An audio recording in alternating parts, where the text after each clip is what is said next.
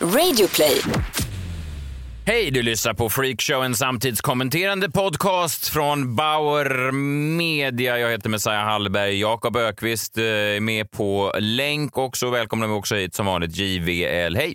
Hej, kul att vara här igen. Hej. Cold, skitkul. eh, cold open kallas det här. Vi bara går rätt in för jag måste bara bolla lite snabbt. Jag vet inte, det är en annan podcast här, en annan podcast i humorsegmentet. Eller är det humorsegmentet? Det är där jag eh, väcker kanske ett litet frågetecken eh, som har Ja. varit i, eh, i blåsväder. Det är då eh, min, eh, min vän Ola Söderholm som har en podcast som heter Stormens öga. Utveckling va? Stormens utveckling heter podden. Ja. Men de hamnade i stormens öga. Ja, de hamnade i stormens öga. Ja. Tack Jakob att du räddade mig. Eh, nej, men, han hade en, en prata i förra veckan och jag tror jag vet vad det beror på att han har hamnat i stormens öga. Jag tror jag vet vad det beror på att han har hamnat i lite trubbel. För det gjorde han. Han sa då, eh, han hade en prata om coronasjukan, coronaviruset. Mm. Eh, Och eh, så sa han, Ola Söderholm, då att påfallande många av kritikerna i Sverige är sådana som har invandrarbakgrund eller judisk bakgrund. Typ Wolodarski eller Göran Rosenberg. Ja, han Ja, en, pinpointade vilka som kritiserade mest. Ja, han han hade en tes liksom som han ville försöka föra fram. Och det här har ju då eh, tagit fart. Det börjar med att DNs chefredaktör Peter Wolodarski gick ut och skrev på sin Twitter att vad är det här? Antisemitism i, eh, i en Aftonbladet podcast. Är det här verkligen rimligt? Och, och sen gick Göran Rosenberg ut och sen gick då Svenska kommittén mot antisemitism ut. Och de vill, man, de vill man inte ha efter sig. Alltså man vet när man ser, alltså om man kollar på sin mobil och så går man in på hitta.se och så kollar man upp, vem är det nu som har ringt? Och så står det bara, det är Svenska kommittén mot antisemitism. Det, det var ju ändå en kommitté man inte riktigt visste fanns innan. Nej, men det är också en, man vill inte att den, där, att den titeln poppar upp på mobil. Nej, många får knacka på min dörr, men just den kommittén. Jag tänker att den kommittén är bra på att hitta antisemitism också. Man skulle kunna säga att det är själva roten till deras existens. Ja. Eh, Alltså, ingen antisemitism, ingen svensk kommitté mot Nej, då antisemitism. får de ju lägga ner. Precis. Ja, då får de bara sätta upp en sån stängt mellan hägg och syren-lapp.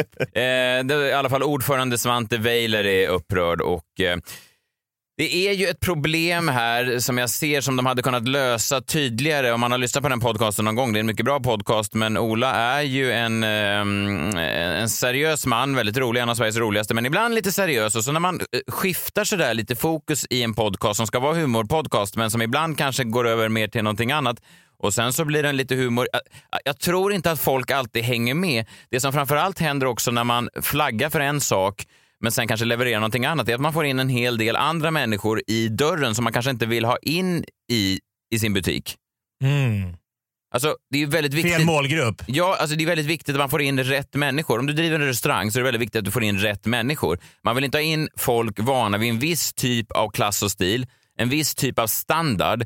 Alltså vill, om du får in en person van vid en fine dining-krog på din kvarterspizzeria, San Remo, Ja. Ja.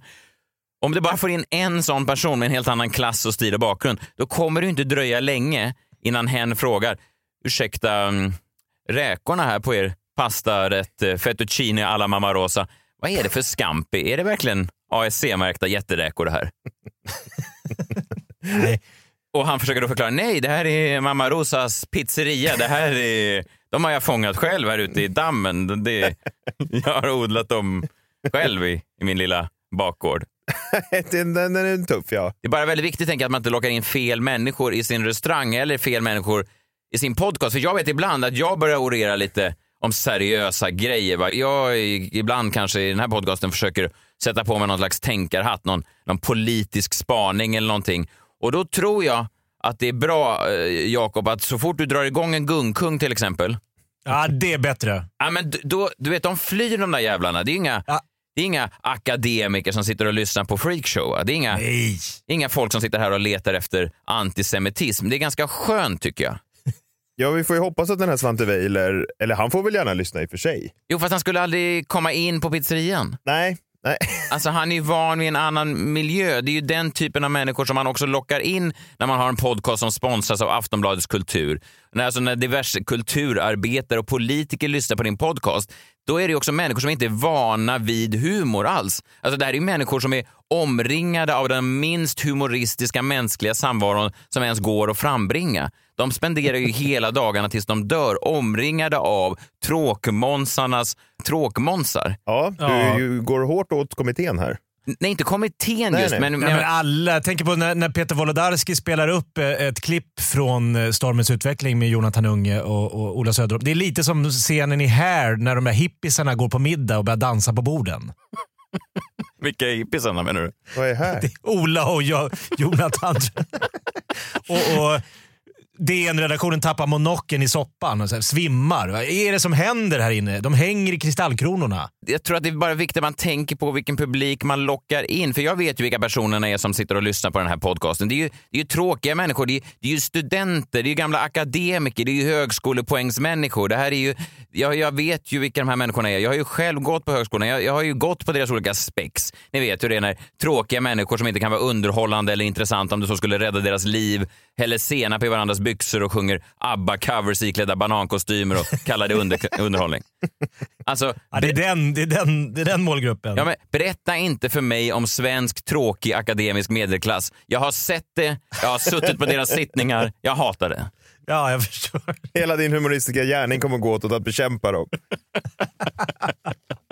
Ja, det är Inga politiska referenser i övrigt. Nej. för att det så, och och här menar jag också att Ola lite får, han skulle kunna få skylden lite grann för att det som ordförande Svante Weiler, ordförande i Svenska kommittén mot antisemitism, säger i en intervju här, han får frågan att Stormens utveckling beskrivs ofta som en samtidskommenterande podd och innehåller kanske en hel del satir. Kan man se det här som satir? frågar de Svante Weiler. Och han svarar, denna knastertorra man svarar, det tycker inte jag. Jag har väldigt svårt att höra satiren i deras resonemang. De ägnar 20 minuter åt en ganska torr genomgång av diskussionen kring corona. Det är ingen satir överhuvudtaget i det här avsnittet, vad jag kan höra. Alltså, Han fnissar inte alls. nej, men jag menar också att man kanske får skylla sig lite själv. Det är ingen som slår på freakshow och tänker så här, är det här verkligen en humorpodcast? Alltså, det är ganska tydligt i anslaget. Däremot skulle man kunna slå på den eh, podcasten och tänka, vänta nu, om det här skulle vara en humorpodcast, varför låter den då som en föreläsning av en antropolog? Nej men, Nej, men du, men, du menar då att Ola vill ha lite det bästa av två världar. Han vill ha det kulturella, han vill ha det humoristiska, men när det humoristiska går ut över det kulturella, då vill han inte ha problemen som uppstår liksom, i kölvattnet av det. Nej, att komma och hävda humor i en podcast som inte låter som humor och tänka sig att de här människorna, ovana vid all form av humor, ska förstå det. Det är som att försöka förklara för den här borgarbrackan som har ramlat in på pizzeria San Remo att här inne får du ligga lågt med klagomål på räkornas ursprung.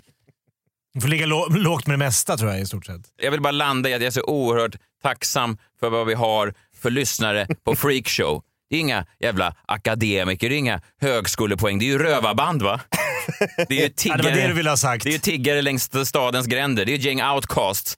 Det är ett gäng luggslitna män och kvinnor som har förlorat allt i samhället och nu har de bara oss att- tillbe. De, de har fortfarande en podcastsändare. Eller någon, de, kan- de har ändå råd med, med ett gratis, eh, en gratis app som laddar ner podcast. Och Verkligen. en iPhone 11. Ja, så att jag vill bara landa i lite positivt, eh, ett positivt slut här. Tack för att ni lyssnar på Freakshow. Nu drar vi igång veckans avsnitt. Ja. Live från Stockholm, Sverige. Du lyssnar på Freakshow.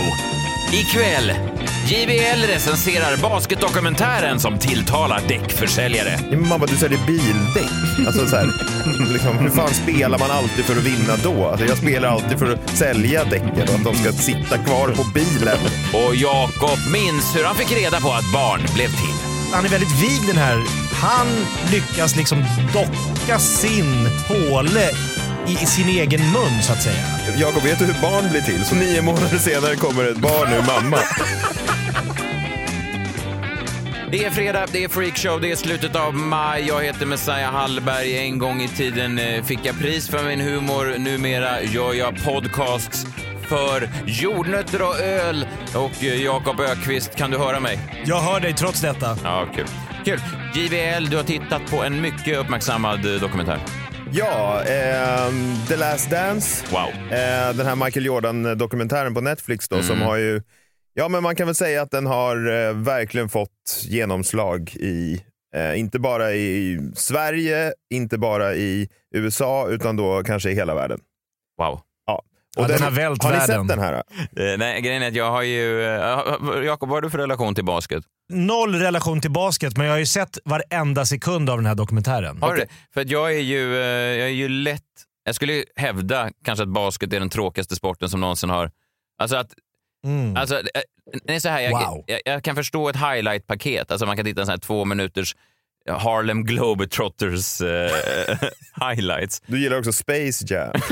Ja, men det är den typen av, av eh, basket som jag gillar, det här gamla NBA Jam-spelet när folk kunde volta tre gånger och sen dunka. Men som sport betraktad, man måste vara två meter lång och eh, jag tycker det är otroligt intetsägande sport. Så Ja. att jag har dragit mig fr- från att se den av den anledningen. Sen förstår jag kanske att den har andra kvaliteter. Ja, men det är ju det, så här, den har ju liksom, det är ju inte bara att det är folk som gillar basket som har sett den, utan den här har ju blivit liksom unisont hyllad av folk som ja, men inte har någonting som knappt vet vad basket är. Ja. Eh, och jag menar, ja, ja, jag vet inte vad du tycker Jakob, men jag tänker raljera lite över den här nu, för jag tyckte att den var ganska så här, ointressant, eh, själva premissen.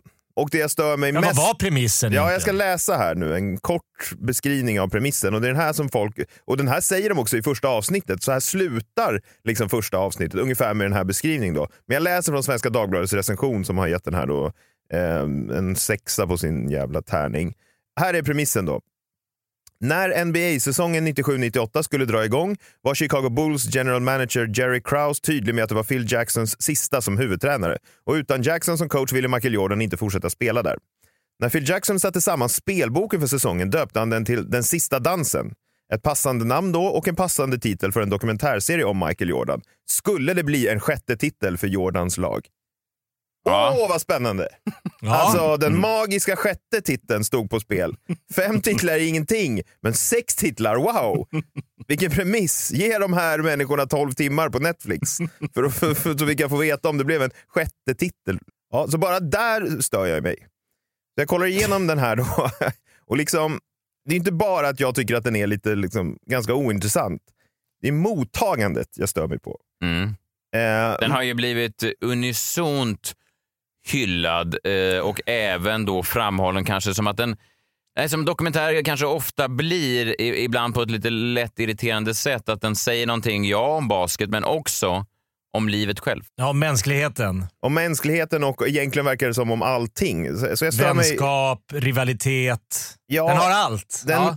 Det är så med. mottagandet har sagt. Och eh, jag går ju direkt efter jag har sett den här går jag till Twitter där jag ser hur det är ett klipp då speciellt som delas hejvilt i två minuter eh, med Michael Jordan. Då. Och folk skriver så här, eh, några kommentarer. Det här är det starkaste klipp jag någonsin sett. Försök titta på det här utan att få gåshud.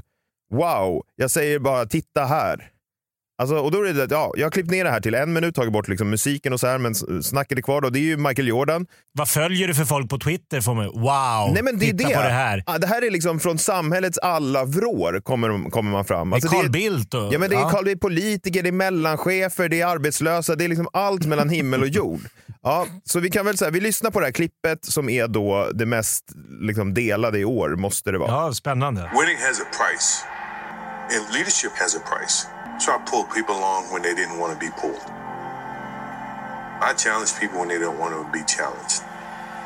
And I earned that right because my teammates came after me. They didn't endure all the things that I endured. Michael Jordan is down in pain. Once you join the team, you live at a certain standard that I played the game. And I wasn't going to take any less. Now, that means I had to go in there and get in your ass a little bit, then I did that.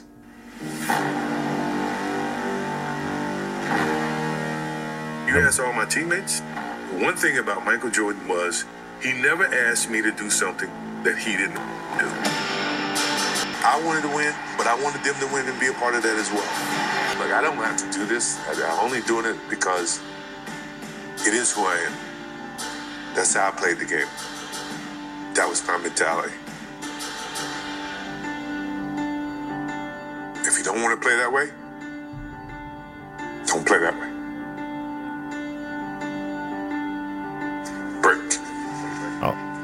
Här börjar han då gråta och måste ta en paus i intervjun. Men vad fan är grejen här? Vadå, han spelade för att vinna? Ja, Men vad, vad då spelade för Gide? Och så är det så här, Michael Jordan is down in pain. Jag var skadad någon match liksom. Det är väl alla som... Vadå, jag är lite skadad idag i foten. Jo, Du gör ingen jättegrej av det. Nej, jag gör ingen jättegrej av det. Jag kanske borde, borde göra det. Men tyckte ni att det här var någonting? Eh, Vad är det, grejen? är, det är ju... Eh, vi har ju pratat om det tidigare. Ja, eh, lägg på dramatisk musik på, eh, kanske även när du sitter och pratar om din onda fot och det blir lite mer dramatiskt. Jag vet inte om det är hela vägen en, en tio timmars dokumentärserie på Netflix. Nej.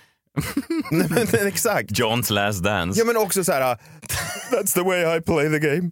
Uh, I need a break. Alltså vadå, han spelade för att vinna och han ville, han ville att lagkamraterna också skulle vinna. Jag fattar, vad är liksom, vad är, vad men jag- är grejen? Är det inte en viss typ av människa? Alltså jag tänker att Alexander Pärleros drar på det här klippet om han inte kan komma med Ida Warg. Alltså, då behöver han... Ja, Okej, ja, jag vet inte. Jag, jag ser väl kanske, jag tyckte väl inte att det här klippet hade Nej, det gick någonting. inte igång. Jag går tillbaka Nej, till Twitter då och en kille skriver, och jag kollar hans profil här, han verkar jobba på en däckförsäljningsfirma. Ah. Och han skriver då, jag vet ärligt talat inte om några minuter av tv i mitt liv någonsin har res- resonerat mer med mig eller validerat så mycket av det jag tror på. Fantastiskt. Man bara, så här, Du ska säljer- sälja däck. Ja, man bara, du säljer bildäck. Alltså, så här, liksom, hur fan spelar man alltid för att vinna då? Alltså, jag spelar alltid för att sälja däcken och att de ska sitta kvar på bilen. Jag vet inte. Jo, men han jobbar fast han är förkyld. Förstår du? Han åker dit. Jo, och de andra kanske på däckfirman säger nej nu har vi sålt tillräckligt med däck och han bara if you're in my team. Varför pratar du engelska Åke? ja, exakt. Ja. Då säljer vi däck och nu behöver jag en break för att jag blir så tårögd av min egen syn på däckförsäljning. Ja. Eh, och det stör jag mig på. Då. Sen stör jag mig då på hela medierapporteringen, då, den svenska. Den kanske jag stör mig mest på. Ja, kring dokumentären kring alltså, inte dokumentären. kring Jordan. Nej, utan kring dokumentären då. Kan man eh, här, eh, du ska få fortgå, men jag tänker kan man även här klumpa in att det är en viss typ av eh, människor här som jag tror att man också kan störas på när det varje år där det blir vankas Super Bowl.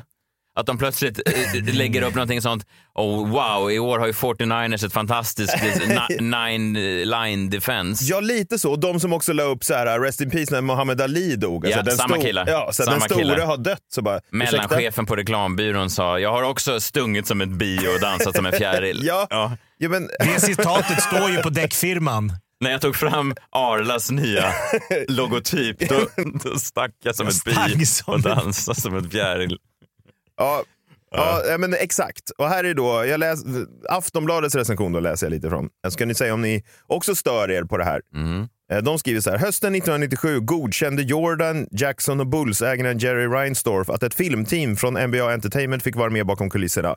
Det materialet, precis som dokumentärseriens övriga arkivmaterial, är engagerande och underhållande. Men trots det, grejen med The Last Dance är att Michael Jordan, nu 57 år gammal, valt att ställa upp på tre längre intervjuer. Wow! Tre längre intervjuer. Det är ju, ger den här serien alla Emmys man kan få. Alltså, det är väl ingen dokumentärserie någonsin som har fått en person att ställa upp på tre längre intervjuer. Nej, aldrig. Nej, det är otroligt. Så recensionen i Expressen då. The Last Dance skyr inte heller de svåra delarna som var Chicago Bulls i mitten av 90-talet. I avsnitt tre berättas Dennis Rodmans brokiga historia medan Scottie Pippins pengakonflikt med Bulls ledning är ett återkommande ämne. Mm. Va, va? Vadå pengakonflikt med ledningen? Det har väl jag hela tiden? Det har väl alla? Det har väl däckfirman också? Troligtvis. Alltså så här, Scottie Pippen hade en pengakonflikt med ledningen och Dennis Rodman hade en brokig historia. Ja, men det kanske är därför folk, eh, till och med då en mellanchef i Mjölby, kan känna igen sig för att de också har Du pengakonflikter. menar och att den är vidare. cynisk producerad? Alltså, nu gör, alltså så här, Scottie Pippen han kanske hade större problem än att så här, han ville ha några fler dollar i veckan. Ja, men är det inte mikro, makroperspektiv på det hela? Att eh, det är en liten, eh, en liten del av det hela eh, belyser någonting mycket större. Och, och sådär. Mm. Dennis Rodman kan man ju i och för sig hävda, nu har jag inte sett just de delarna, men han, han var ju där 97 vet jag. Han blev ju då kompis med Hulk Hogan, wrestlern, och mitt under NBA-finalen, jag vet inte om det här är med i dokumentären, Jo, det är verkligen med. är det? Så försvann han Han försvinner iväg Ja. och dyker upp wrestlas. och dyker upp på WCW Monday Nitro och röker cigarr med Hulk Hogan. Ja. Vilket är en... eh, Han kallas The, the Rodzilla. ja, Ja, eh, men det här är då de svåra delarna som var Chicago Bulls i mitten av 90-talet. Alltså Dennis Rodman sprang och wrestlades. Ja, och att han hade väl sex med Carmen Electra i mittcirkeln också. Eller något sånt där. Ja, det var ju, det var ju svajigt. Ja. Nej, men så min poäng är bara så här, om ni inte har sett den här, by God, se den inte. Och läs framförallt inte medierapporteringen, man blir knäpp. Men du gillar den Jakob? Gör du det? Älskar skiten. Okej. Fan ja. vad fin den är. Jaha. Ja, ja. Säger mycket om människan. Freakshow är denna vecka presenterade i samarbete med Biltema och deras nya giv Köp och hämta som är väldigt smidig och väldigt enkel att använda Messiah. Ja, på Biltema, så man kan ju sitta och bläddra i en sån gammaldags katalog också. Eller så går man in på hemsidan och ser hur mycket olika grejer de har så här inför sommaren. Du vet, i trädgårdsprylar, studsmattor och tält och sånt där. Och sen hittar du det du vill ha och då går du in på eh, hemsidan, hittar dina varor, väljer varuhuset där du vill hämta varorna. Du klickar, betalar, allt det där och sen två timmar senare så har de den då färdig åt dig, paketerad i butiken du har valt. Ja, men jag, jag gillar ju att gå i butiken och känna och klämma och vara en del av gemenskapen. Men om man inte har den tiden, om man inte har den liksom chansen att ta sig till, då är ju det enklare att gå in på hemsidan. Ja, precis.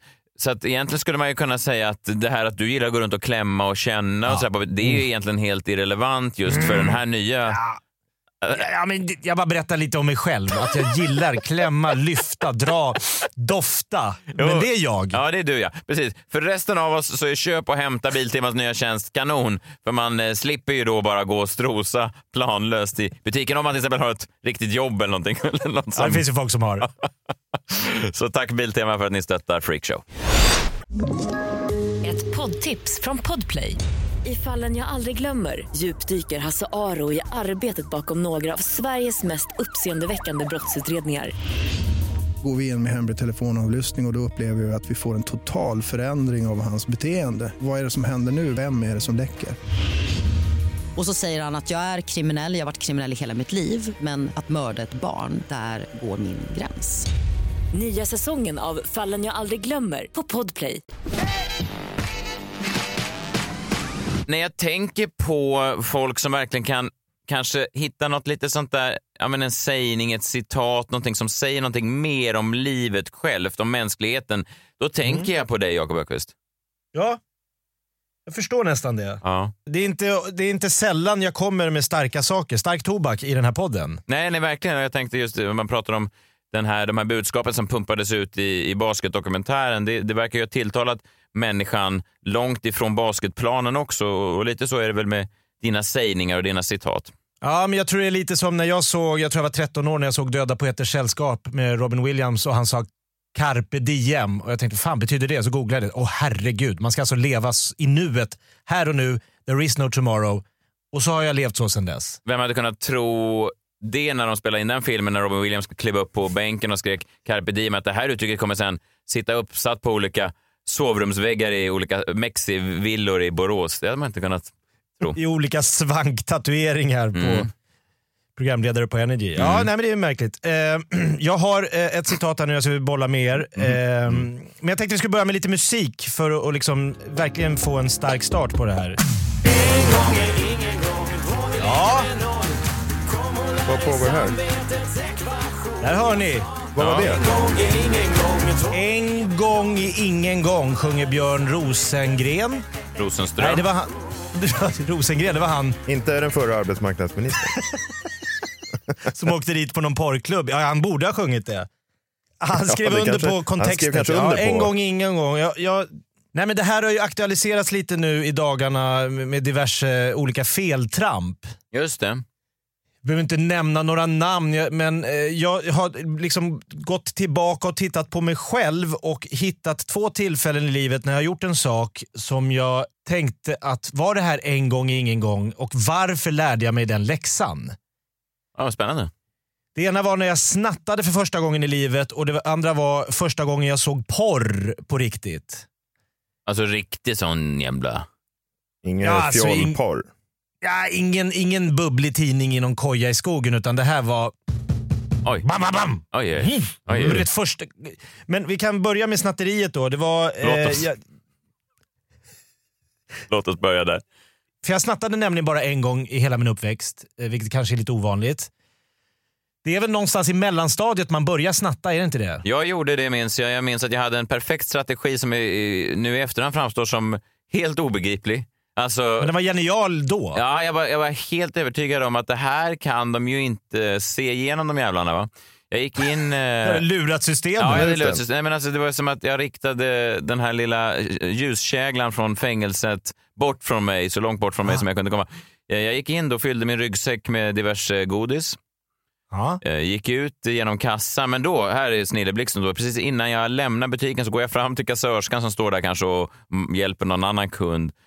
Så sa jag, ursäkta damen, vill bara vara tydlig med att jag har inte handlat någonting. och sen gick jag. Du sa inte, jag har inte snattat någonting. Nej, han, jag, ska, inte- Nej. jag ska inte ha någonting idag. Du gick ut, ja, jag förstår. Alltså, så att, förstår du, vilken kriminell, vilken snattare skulle ha modet i kylan och gå Ah. fram och bara markera att idag var jag bara inne och tittade på matvarorna. Idag, det var allt. maten som jag ska äta idag, den är redan i mitt kök. Jag ville bara titta inför kommande inhandlingar. Jag tog mig en runda. Du var en synnerligen känslokall snattare. Du är en sån där som blir seriemördare senare i livet. Alltså det Ja, börjar det där med... var is, iskallt. Ja, det är också lite så här, du går fram och verkligen vill se ditt brottsoffer i ögonen. Liksom. alltså, det, det är det viktiga. Det är så här, godiset, det slängde du när du kom ut. Det viktiga var att få se brottsoffret i ögonen. Ja, precis. Det handlar inte så mycket om godis. För mig handlar det bara om makt. Snatteri handlar väldigt lite om godis och väldigt mycket om makt. Vilken sympatisk egenskap. Ja, men är inte det här lite som när man hittar eh, att, att mördaren ofta är den första på plats på mordplatsen när polisen är där och säger vad, vad är det som har hänt här? Jo, men man tror ju nu att den eh, eventuella Palmemördaren då, att han var det, det bästa ögonvittnet eller första ögonvittnet. Du skriver under på Skandiamannen, du förstår precis. Att, Känslan. Ja, medan andra säger så här, men Skandiamannen, skulle han verkligen stannat kvar och agerat vittne om han hade skjutit Palme? Men så här jag bara, självklart det är så man gör. Skandiamannen gick fram till polisen och sa, ursäkta damen, Ja, idag har jag inte ska, mördat ska jag någon.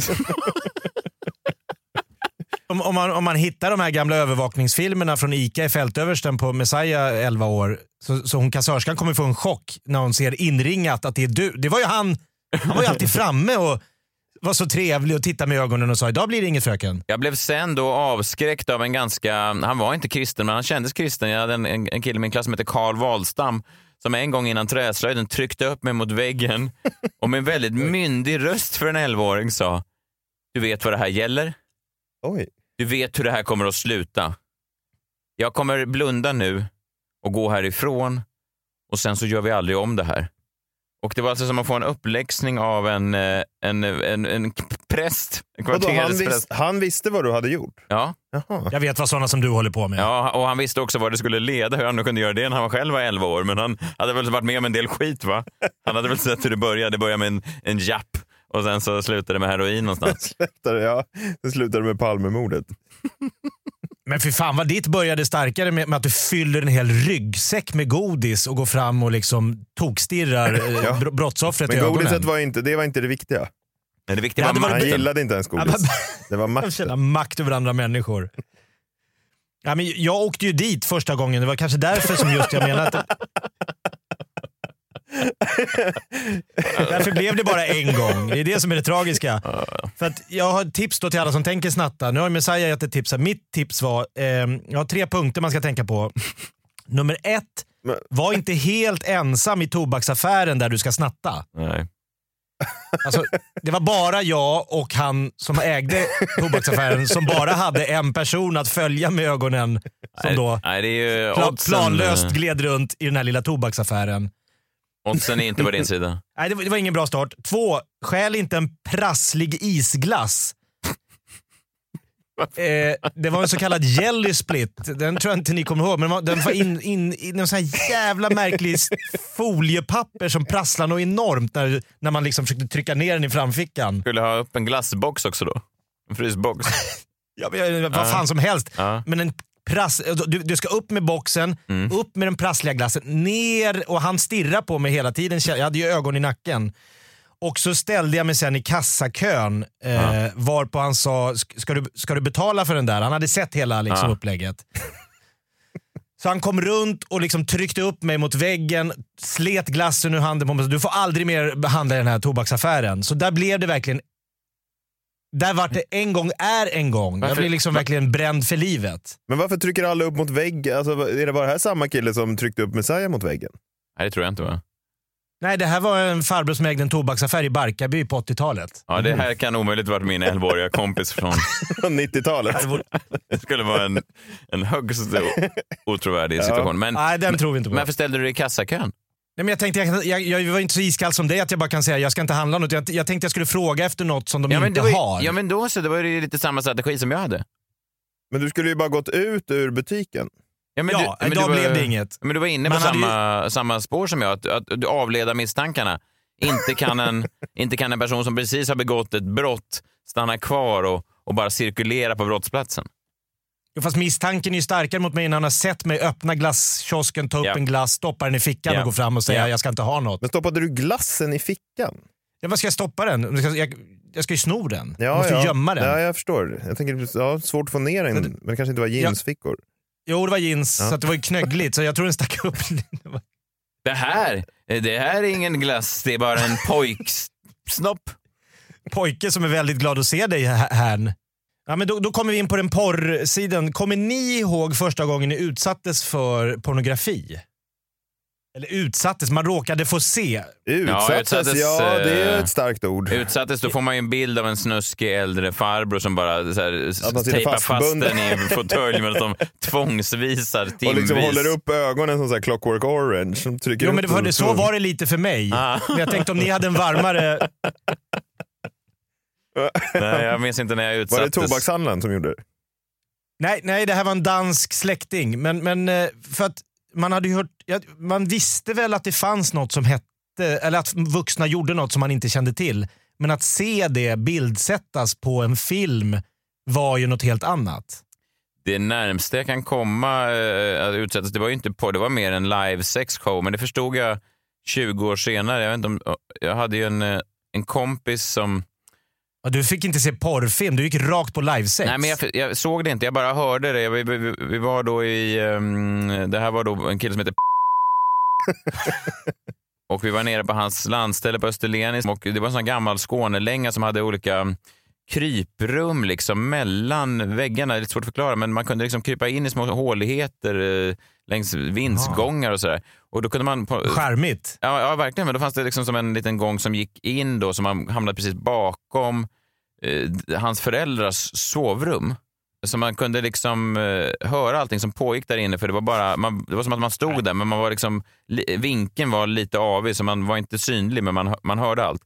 Och eh, så sa han, kom, kom ska du få höra. Kom ska du få höra vad, vad, vad rolig mamma låter. Oj. Och du, vad, det, alltså, vad gör hans mamma egentligen som är så och- kul? Och, och, Åh nej. Och då, ja, men det här, är så jä- alltså jag förstod det här för typ två år sedan. Var så pojk. Men du förstod ingenting då? Nej, jag förstod ingenting heller när jag var Och 25 inte när, var, eller 30. inte när du var 34 heller. Det var först när jag var 34 som jag, vänta nu, vänta nu. Jag tror inte att, Det, jag tror inte att hans föräldrar, för det han sa var, lyssna vad rolig mamma låter. för att hon tycker det är så himla skönt, berättar hon, när pappa masserar henne. ah! Det var det de har sagt. Ja, ja. Och sen ville han då sprida den här härliga massagestunden Han vidare. vill sprida massageljudet vidare. Ja, Massagets evangelium. Ja men eh, så jävla... Gud vad sjukt. Det är Ja, men så- nästan lite... Ja, men, Det är, något, jag vet, det är inte sjukt, men det, det finns ju något... ja, men, Men just att han ligger och, och, och smyglyssnar för att höra Sommar hur efter skönt det sommar. är för mamma att få massa... Alltså det är ju, det är ju Nej, men- lite läskigt nästan. Nej, men vi medger att det är en otroligt eh, obehaglig syn. Och så tänker man också, föräldrarna där, de visste ju att, Men var att det jag mitt hade på åkt... dagen, Ja, ja, eller? ja, ja. Jag var ju där som gäst och då kan då inte pappa och mamma kan hålla sig... Alltså gick de igång Nej. då på att, på att det fanns en... Ni Att det hör. fanns en gäst. Ja, men, Mamma och pappa, får jag ta hit en gäst? Ja, gärna. Du Eller vet vad vad det säger du, betyder, mamma? Berit? Ja. Då passar har vi en på att gäst. ha lite massage. Är det en gäst här, då vet du vad det innebär. Kommer på en sån skyld massagestund utanför. Massagestund tisdag klockan 14. Men det måste ju också ha varit så för din kompis att några år senare så gick den där massagen han låg och bildsatte till det här ljuddönande. Ja, alltså, kan- till slut måste han, när han är 17, så här, nej men vänta det är fan ingen massage. Nej, men det måste ju också, när det gick upp för honom att han hade sp- spenderat timmar av sin ungdom till Och att ligga och lyssna på sin mamma bli påsatt av pappa. Det måste ju vara en, eh, det måste ju vara en speciell... eh, Men gud vilken insikt. Ja.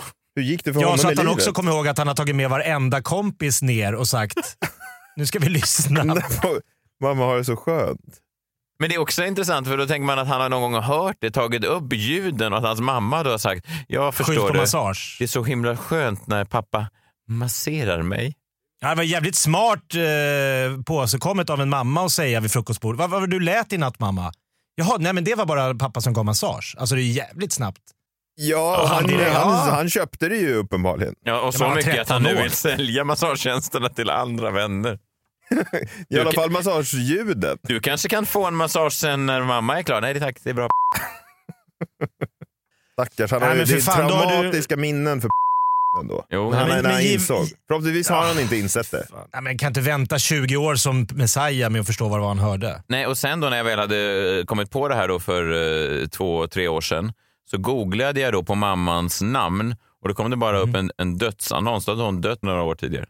Nej. Så att det sista, eh, jag, jag, alltså det fanns liksom inget sätt för mig att få prata ut om det här. Nej, där tar man inte upp. Att jag ringer. Du går du inte gå på begravningen. Alltså, Jag har en fråga om den här massagen. jo, jag har tänkt på en sak här de sista 25 åren. resten.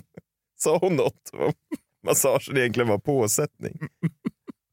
Vad var hennes sista ord? Nämnde hon någonting om det? Det är slut på massageolja. Då är Messias bägge upplevelser, nej men jag undrar om inte min är värre här just när det kommer till porr. Jag är ju hälften dansk och hälften svensk som jag kanske har nämnt någon gång. Min mamma är från Danmark så vi har ju släkten där nere och det var en, vi har en, jag vet han är någon syssling som är, förr i tiden kallade man det lite eljest. Ja, men vi har en liten överklassdel av släkten nere i Danmark så vi, vi åkte ner till deras liksom stora sommarhus och vi barn fick leka lite fritt och så de vuxna hade fest. Och då var han, han var några år äldre än mig, hette Sön. Eh, lite älg, han, jag, jag tror inte han gick i skola riktigt utan han hade lite egna aktiviteter som man säger. Mm. Ja. Vad hette Och han han? frågar- Sön? Sören, va? Sören? Sön. Danska R är ju nästan Ja, stumma de är döl, ibland. dolda så, så det blir S-Ö-N, E-N, Sön. Fast det är Sören. Ja, okej. Nej, men han frågade mig, jag tror jag var nio eller tio har du sett hur man bollar? Va? Har du sett hur man bollar? Bolla är då göka. Just det. Just det. Och göka är? Eh, det som eh, föräldrar gjorde i det där kryphålet. Jag förstår. Vadå, var de inne i kryphålläsket? Ja men det tror jag. De låg mellan väggarna. Det, Då blir det nästan ännu sjukare. det var jävligt trångt. Ja. Det kanske bara var en massage, vad fan vet vi? Nej, vem vet. Nej men då drog han in mig i ett rum, jag och några andra barn och så ska han få se, nu ska ni få se de här, är, och det var någon sån här dansk gladporr som skulle visas. Nio år gammal, man vet inte riktigt vad man ska få se och det är någon projektor så han har den på så här eh, Super 8-film. Ja, den, ja, det, det här mysiga ljudet som man är van vid kanske från klassrummet eller någonting. När de drar igång den. Ja. Exakt. Och det börjar flimra på någon vägg där. Och öppningsscenen är det, jag- jag blev ju, jag tänkte jag ska aldrig mer, det där ska jag inte göra börja, jag ska aldrig bolla. Det tänkte jag för att det kommer in en farbror som ser ut som, minns ni Evert Ljusberg?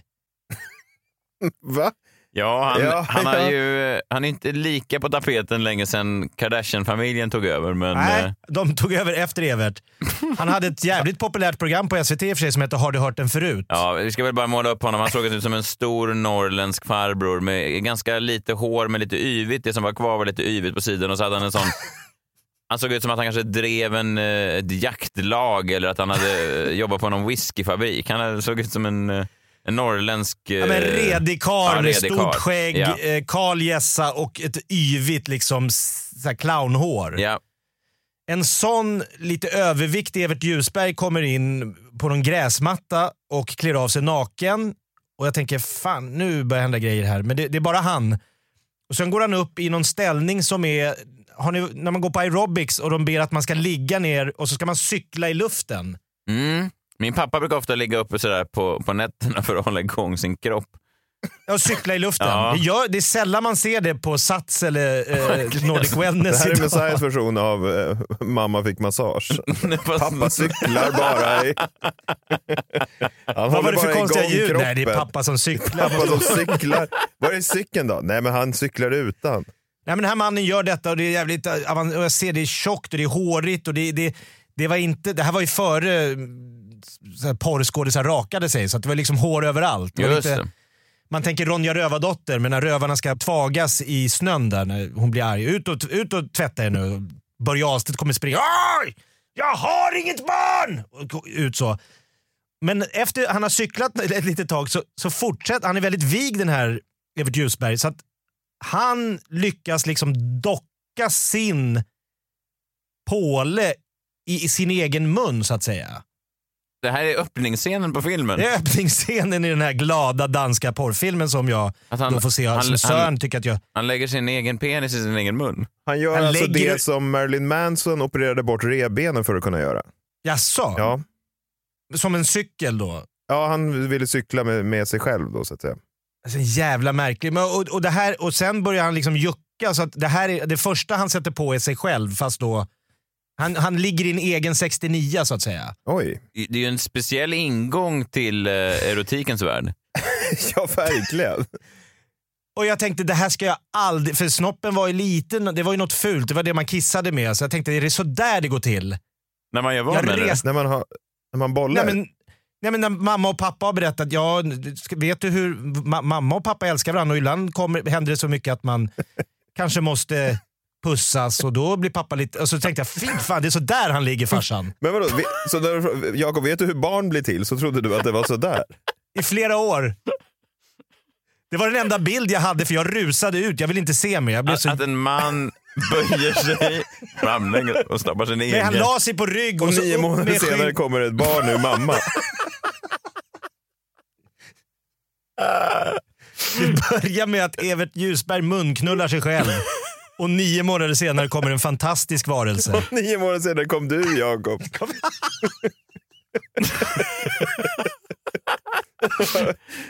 Och Nej, kunde... det var så jävla eh, trasslig start på liksom min erotiska resa. Ja, men- och det förstörde ju helt programmet. Har du hört den förut för dig? Du kunde ju aldrig se Evert utan att... Bara Tänka på förut barn. bara, ja, jag har hört det och det var hemskt.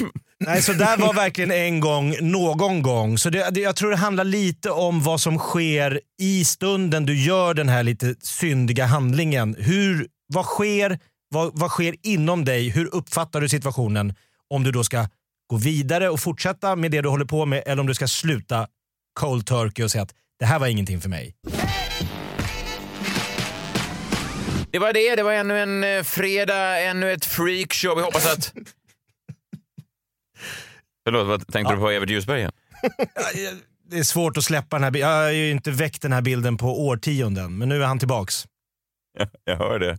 Jag hör det. Ja. Vi får hoppas att de som lyssnar på det här inte hör av sig, att det inte blir några arga inlägg från DNs chefredaktör. Vi hoppas att våra rövarband till lyssnare, våra tiggare längs stadens gränder och de luggslitna outcastsen utan varken mål eller mening ändå är nöjda med det vi levererar den här veckan. Det här är ju podcastarnas motsvarighet till pizzeria San Remo. Våra jätteräkor är såklart inte ekologiskt odlade, men det är ingen som förväntar sig det heller. Vi vill inte ha några kommittéer efter oss. Nej, fy fan vad jobbigt. En pizza, en stor stark och lite Jack Vegas. Ja, verkligen. Jag brukar säga som så, det här har varit mitt motto sedan jag började med det här. Om folket är nöjda så är jag nöjd. Det är mitt motto. Ja, Verkligen. det är bra. Det är en svanktatuering. Lång va? Hela ryggen. Om folket Knirklig. är nöjda så är jag nöjd. Det är en, eh, jag tror inte ens Martin Björk skulle bära den med stolthet om jag ska vara ärlig. Nej, det är inte säkert. Nej. Vi hörs nästa fredag. Puss på er. Hej då! Hej.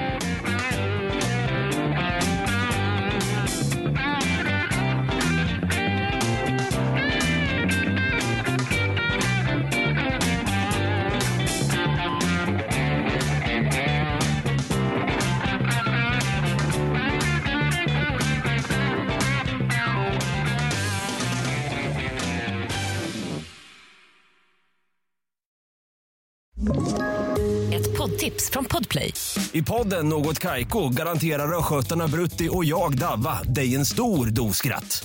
Där följer jag pladask för köttätandet igen. Man är lite som en jävla vampyr. Man har fått lite blodsmak och då måste man ha mer. Udda spaningar, fängslande anekdoter och en och annan arg rant. Jag måste ha mitt kaffe på morgonen för annars är jag ingen trevlig människa. Då är du ingen trevlig människa, punkt. Något Kaiko, hör du på Podplay. Därför är gardinerna.